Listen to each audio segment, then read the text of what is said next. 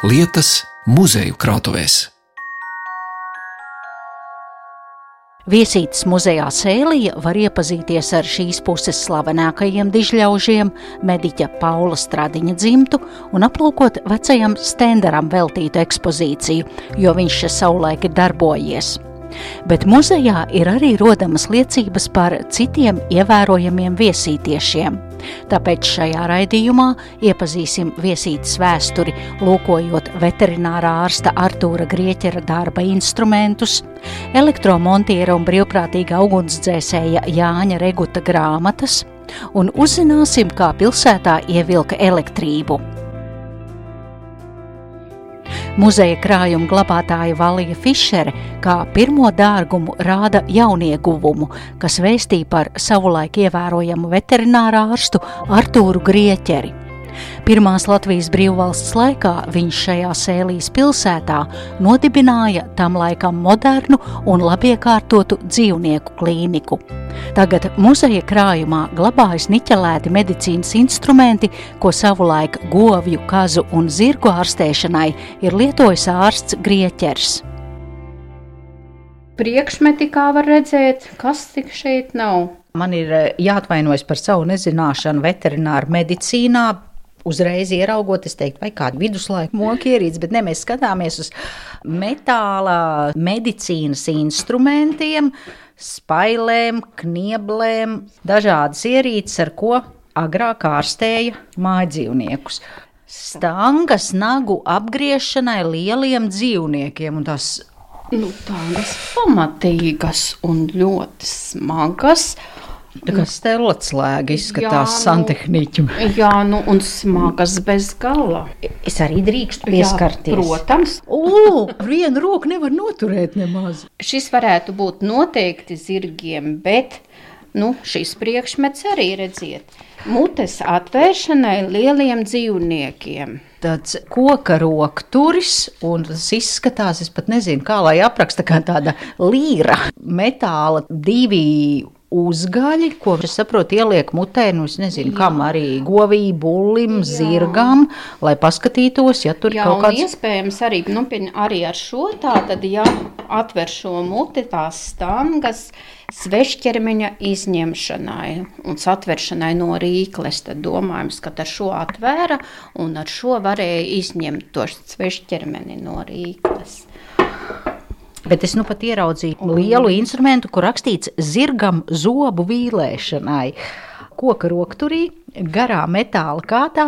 Jā, tāda rīvīte varētu, es teiktu, mājasemniece te varētu arī citronu rīvēt, ja vajag citronu jā, miziņas kādam saldētiem vai šokolādi. Varētu, jā. Zirgiem zobu vīlēšanai. Jā, jo zirgiem zobi ļoti bieži esot nolūzuši, nodrupuši, un iespējams viņam, protams, tāpat kā cilvēkam šādu sopas traucēja, tad ņem un novīlē un varēja droši dzīvot tālāk. Un šeit vēl ļoti vēlos parādīt. Tātad šis mūsu vetārs dzīvē jau nevarēja zināt, tie ir tie laiki, kas nu būs. Ja nu tomēr vai nu karā jādodas, vai arī sūtījumā, tad viņš pats ir sagatavojis šādu.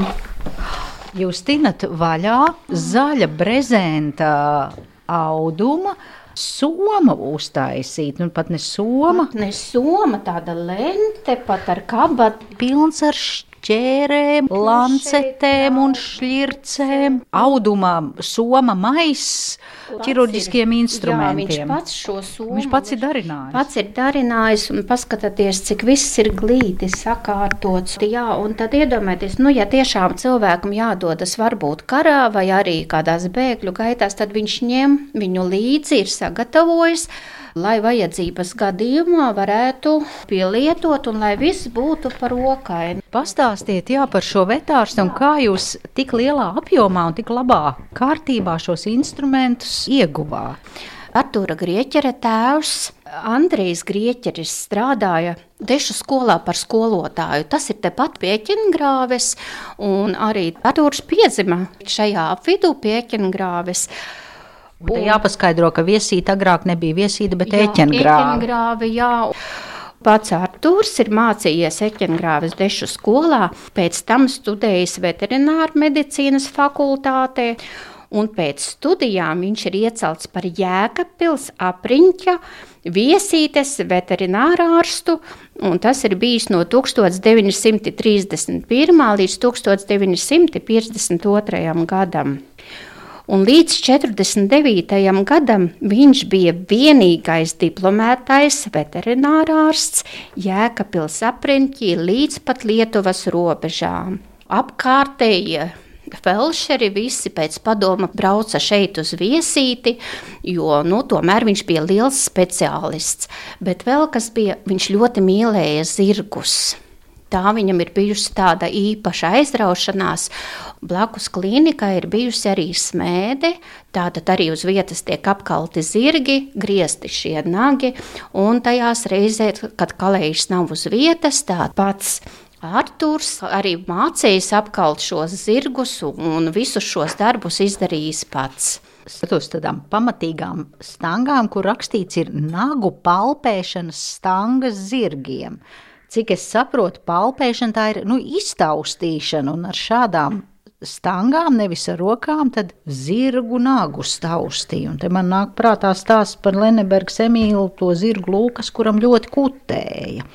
Interesanti, ko varētu pastāstīt grieķeru dzimta, kā toreiz bija.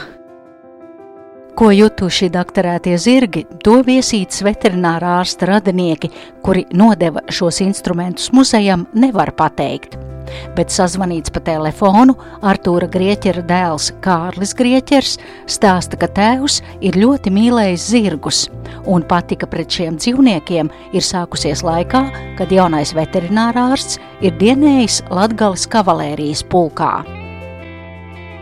Tāds uh, veterinārais iecirknis, kāds bija izveidots viesītē, vēl laikam aknīstē bija diezgan līdzīgs. Faktiski tas bija visā republikā vienīgais. Kādā ziņā, kā jūs to domājat? Viesītē bija izveidots tāds uh, punkts, gandrīz līdzīgs veterinārai klīnikai, republikāniskai. Tur bija, kuras ieved dzīvnieku, nu, teiksim, pamatā zirgu, lai viņu varētu vai nu izdarīt operācijas kaut kādas, ja tā operācija ir izdarāma dzīvniekam stāvus. Tad tur bija, lai zirgu varētu apgāzt bulus. Tā bija ļoti sarežģīta tehnika, kā to izdarīja.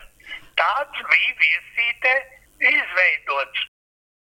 Kārlis Grieķers zina stāstīt, ka tēvam ir bijusi arī īpaši iekārtota tāda kā pirts kašķa ārstēšanai.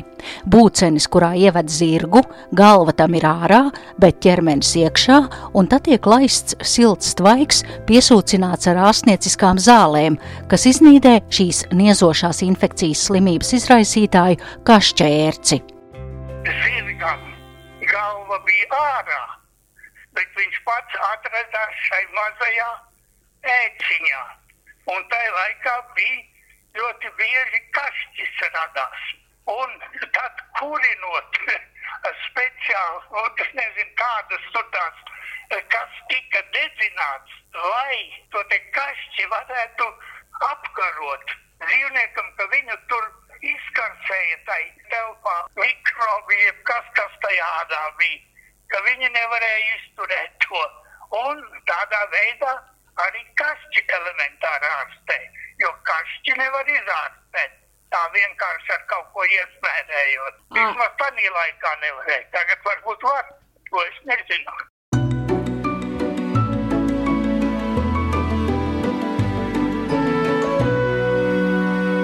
Vietu lietas.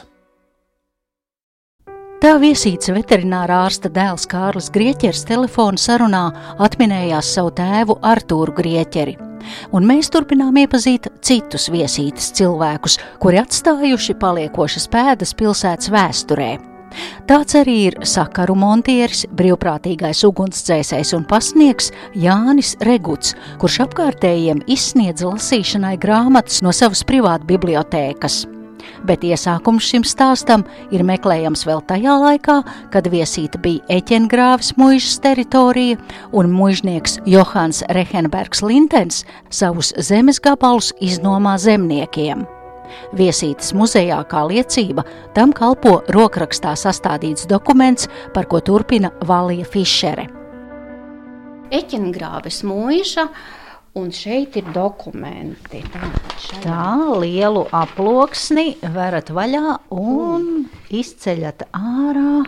Šis ir līgums starp Aleksandru Rehenbergu Lintenu, tas ir Eķengrāvis mūža, kam piederēja, un Jāni Štelmacheru par zemes nodošanu grunts nomā, jeb obrokā, uz 99 gadiem.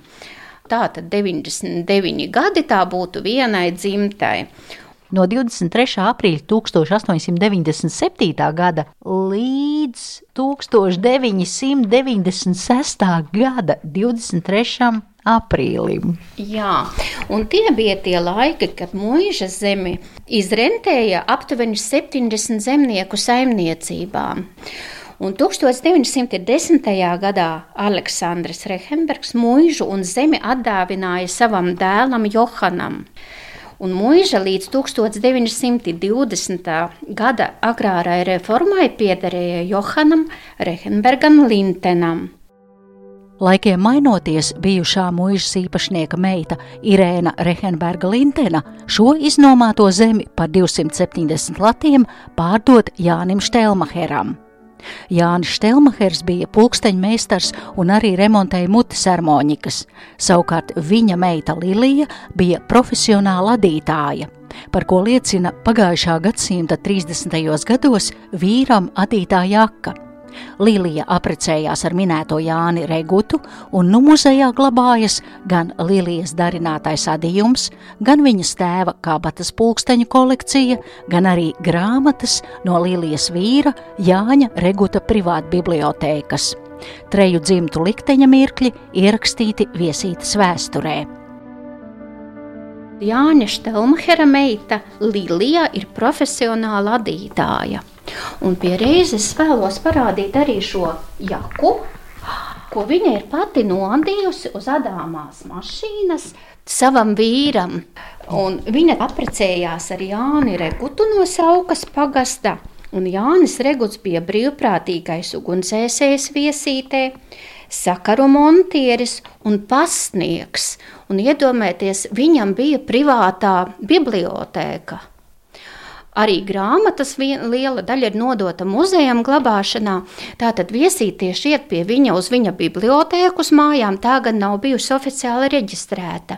Viņš izsniedz grāmatas, nu kā jau bibliotēkā, un tad, kad ir izlasītas, atnes atpakaļ. Bet nu, ar laiku ir sapratis, ka grāmatas ir sevišķi vērtīgās, jo ir bijušas daudzas ļoti vērtīgas grāmatas, tiek diezgan stipri bojātas, un tad jau nu, viņš ir izvērtējis Eh, kādas grāmatas uz mājām drīkstot un kādas tomēr varbūt uz vietas apskatāmas.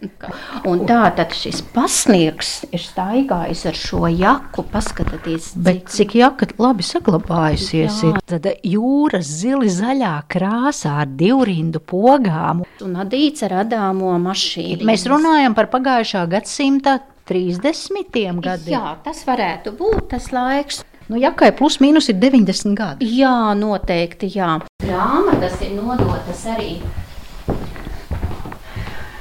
Tā tad arī ļoti dažādas. Jūra Alunāna dziesmiņas, Jānis Veselis, Valters un Rāpa 1930. gadā izdotā veseļa grāmata Trīs laimes, Voldemārs Lūsis pa Eiropas džungļiem. Oļģers Liepiņš, rožainais smaids, līgotņu jēkabs. J. Reguta privāta biblioteka. Jā. Viņš pats sev tādu zīmogu jā, ir pasūtījis. Redziet, šeit Te vēl nav atgriezt. Jā. Tā es pastīšos, kas tā ir par grāmatu. Augusts Deglaus patrioti, kultūra vēsturisks romāns. Nodots ir grāmatu atgriežamais nazis. Un, piemēram, šeit mēs varam tātad. Tad agrāk, nu jā, tādu papīra nazi jā. grāmatām lapas, lai varētu. Jā, un redziet, ir tas. Tā grāmata lapu atgriežamais nazis, stirnas, raga kaula Visus iepriekš minētos priekšmetus viesītes muzejam ir nodevis Jāņa brāļa dēls Vilnis Reguts, par kuru otrā pasaules kara beigās Jānis uzņēmās rūpes un izaudzināja Vilni savā ģimenē. Tad, kad es, es 49. gadā pirmā klasē sāku iet, un tad es pie viņa arī atrados beigām. Tad jau viņš vairs grāmatas nedalīja. Nu, man bija tā, ka ja es kādu grāmatu tur paprasīju paņemt, tad bija rokā tīrām jābūt, jāsēž pie galda un, nu, kā saka, grāmatas jāsaglabā. Tā ierakstītā telefona sarunā savu onkuli atceras Vilnis Reguts. Viņš arī teica, ka Jāni viesītieši atceras kā skarbu vīru ar skaļu balsi, bet aiz šīs skarbuma slēpās liela labestība pret apkārtējiem. Vaicāja Vilnim Regutam, kā ir veidojusies onkuļa grāmatu kolekcija privātu bibliotēkai. Viņš pats arī bija lasītājs. Tad, kad bija tā iespēja tur noslēgt līgumus ar tām izdevniecībām, grāmatu draugu un kas un kā. Tad viņam tās grāmatas sāka nākt. Nu, un bija viņam doma, kā vajag biblioteku savu atvērt. Sāka dot tās grāmatas. Kad neilgu laiku deva tās grāmatas citiem lasīt, un tad viņš redzēja, kādā šausmīgā stāvoklī tās grāmatas atnāk atpakaļ. To mm. viņš nevarēja pieciest, un tad viņš pārstāja dot vērtīgās grāmatas, kas ir labos iesējumos, un tur zelta ābele un visi šie te. Un tad, tad viņš deva, lai lasa tur to visu to, kā saka, tautā raksta lugu literatūru. Tur to fantomasu reiz dzīvoja laukītājs un kurds māleris un tās viņš tad vēl dalīja. Jānis Reguts arī padomi laikos iemantoja iedzīvotāju cieņu, apzinīgi pildot pasniega pienākumus, un par to var pārliecināties, lasot 1957. gada reģionālajā laikrakstā Brīvā Daugava publicētās rindas. Kurš viesītas iedzīvotājs gan nepazīst paveco vīru, tērpušos pasta darbinieka formā, kas vēlās vakara stundās ar pasta somu plecā iet pa pilsētas ielām no mājas uz māju. Vakaros pulkstenis rāda jau 11 stundu, bet vecais vīrs vēl turpina savas gaitas. Jaunākos laikrakstus viesītas sakara nodaļai ar pasta vagonu piegādā katru vakaru pulksten 20. un pēc noteikta grafika tie pasūtītājiem ir jāizdala nākamās dienas rītā. Tomēr pasniegs Jānis Reguts negaida rītu, bet jau tās pašas dienas vakarā sava rajona iedzīvotājiem piegādā jaunos laikrakstus un žurnālus.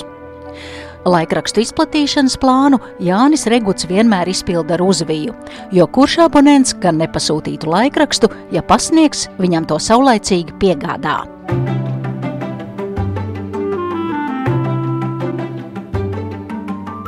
Vietu lietas. Turpinot iepazīt viesītas vēsturi, Valija Fišera rāda senu fotografiju ar cilvēku pulciņu ielas malā līdzās diviem elektrības stabiem. Tas ir stāsts par elektrības ievilkšanu 20. gadsimta 20. gados, kad viesītas lokomotīvu depo ierīko elektrostaciju par tiem laikiem, kad viesīte bija viena no tādām pilsētiņām, kur parādījās elektrība pateicoties dzelzceļam. Tad šeit es parādīšu fotografiju. Viesītē, nu tie būtu 20. gadi. Šī ir māja, kas piederēja profesora Paula Stradiņa vecākiem. Un ielas malā ir pulcējies cilvēku pūlis, kas vēro, kā elektriķi stabos iekāpuši un tiek tātad pieslēgta elektrība viesītē. Un mājas priekšā divi stabi, un katrā stabā var redzēt, ka tie elektriķi, divi vīri ir uzkāpuši elektrības stabā un viņi pozē bet tie elektriķi vaiku lepni uzkāpuši stabā. Un, jā, un uzreiz pēc Pirmā pasaules kara Latvijas dzelzceļš viesītē lokomotīvu depo ierīko elektrisko centrāli. Un šādi dzelzceļš uzņēmās elektrības ražošanu vietās, kur nebija izreču tuvākajā nākotnē enerģiju saņemt no kādas spēkstacijas. Un tā tad deva apgaismojumu arī pilsētas vajadzībām. Nu, šeit mēs to arī pamanām. Bet šeit fotografijās ir redzama šī mūsu viesītes elektrostacija. Nu, un paskatieties, kādi vīri baltos kreklos, kakla saitēm. Jā.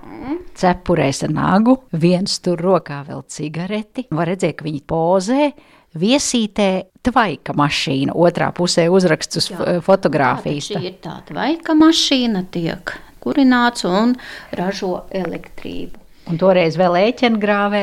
Pirmsākumos vēl bija eķengrāve. Jau pēc mm, 1918. gada šī depo šeit var arī redzēt, šie ir gan 30. gadi kaut kur viesītas depo. Un tā tad šī vietiņa ir tā, kur ir šī elektrostācija. Ā, tā piebūve. Stacijas panorāma 20. gadsimta 30. gadi. Mēs redzam preču vagonus. Un 1938. gadā vēl uzturēja sešas elektriskās centrāles, un viena no tām bija viesītes elektrostacija. Un tā viesītē, tad, un apkārt vēl elektrība nebija. Mēs Jā, skatāmies. apkārt nebija, un viesīte jau varēja lepoties ar to, ka viesītē ir sava elektrostacija. Protams, noteikti tur bija šie noteikumi, cik lielā apjomā varēja tērēt elektrību, lai pietiktu visiem. Diezgan ilgi vēl ir darbojusies šī elektrostacija, vēl 50. gados. Un viesītieši varēja lepoties, kad viņi, pateicoties dzelzceļam, dzīvo tādā nozīmīgā vietā. Un es domāju, ka elektrības ienākšana tas arī bija ļoti tāds liels atvieglojums viesītiešiem. Re, viņiem privāta biblioteka, viņiem te veterinārārs to laiku arī pa visu apkaimi šeit bija. Jā, nu, viesīte tajos laikos vispār ļoti tā bagātīgi dzīvoja, amatnieku ļoti daudz bija. Kādi 45 veikali bodītes esot bijuši. Uz vienas ielas, tepat uz brīvības ielas, vairākas frizieres darbojās, tur galdniecība un amatnieki dažādi. Alus noliktava ir bijuši divi fotogrāfi. Un arī toreizējais valsts prezidents Kārlis Ulmans viesītēji viesojies, un saimniekam Pēterim Kalniņam ir uzdāvinājis vaislas būli un ērzeli. Jo tolaik Ulmans vairākiem Latvijas lauksaimniekiem izrādīja šādu labas gribas žestu, lai attīstītu lopkopību, viņš par brīvu piešķīra labākajām saimniecībām vaislas lopus. Liecība par prezidenta dāvināto zirgu vēl ar vienu ir apskatāma viesītes muzejā. Tad, kad viesītē viesojas Kārlis Ulmanis, pēc tam Kalniņu ģimenei uzdāvina būli brūniju koknesu ar pasi un ērzeli ar piebildi, nu tātad, lai viesītē attīstās gan šī lopkopība, bet pats saimnieks no šī ērzeļa astes astriem izgatavo šo birsti, tātad drēbju birsti. Nu, ja jau ērzeli uzdāvināja, nu tad arī šī birste ir taču kāļa ulmane dāvināta, vai ne? Kā ērzelim vārds nav zināms? Mērselim nav bijis iedots Nu, tad- vārds, jo bet es- tikai bullis ir bijis ar pasi. Un es skatos uz pašgatavotu, nu, diezgan lielu drēbju birsti, ar ko notīrīt mēteli, vai uzvalku, vai bikses no spalvām putekļiem. Un tas ir viņa vienam zirgam aste, tā ir bijusi. Bet cik skaistās malas ir tumši brūnas, un vidiņš tā kā tā, nu, nezinu, šokolādes konfektē tumši brūns, un apkārtēji tāds gaišāk brūns, pilnīgi tā kā tāda mozaīka vai kāds minerāls šķērs Tas bija ieskats viesītas pilsētas un tās iedzīvotāju vēsturē. Par to es paldies saku viesītas muzeja sēlija krājuma glabātājai Valijai Fišerei. Raidījumu veidoja Zanelāce Baltāksne. Vietu lietas.